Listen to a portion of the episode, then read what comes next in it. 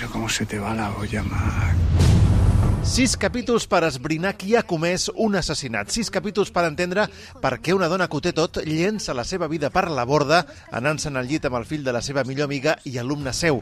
Sis capítols per confirmar novament que Pau Freixas és un mestre de la ficció televisiva. A veure, evidentment la sèrie és un cluedo i té una, un component de joc molt important, però hi ha una combinació de tons que crec que és la clau, que és que per una banda és un thriller, però per altra banda hi ha uns elements dramàtics molt clars, però també té una mena de, de sarcasme que ho rodeja, no?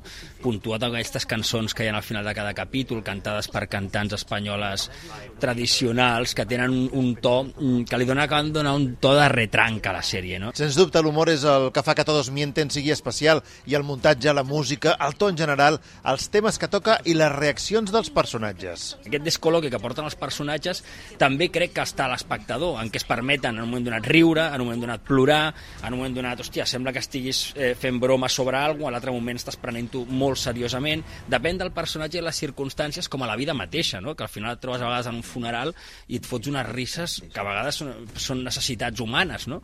Pues una mica el que li passa a la sèrie jo crec que és això. I menció especial també al rendiment de tot el repartiment. Eva Santolària, per exemple. Jo crec que aquesta és la, la feina més difícil que he fet mai de totes, i n'he fet unes quantes de difícils, perquè eh, agafar la mida justa del to és molt complicat i tinc la sensació que ho hem fet tots.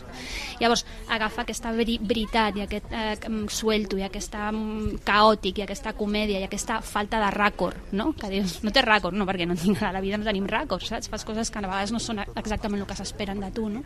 I després poder anar al drama perquè la vida també és així, ¿no? També hi ha Irene Arcos, Natalia Berbeque, Miren Ibarguren, un sorprenent Juan Diego Boto, Ernesto Alterio y Leonardo Sbaraglia. Hay cosas que no están resueltas y que si no las resuelves se, se, se pasan de generación en generación. Si no las analizas, si no las desmenuzas, si no las enfrentas, ¿no? Digo, hay algo ahí que, que, también está muy presente en la serie. Una persona muy querida para mí que ya no está decía, no sé cómo la humanidad ha llegado a, a sobrevivir a pesar de nosotros mismos.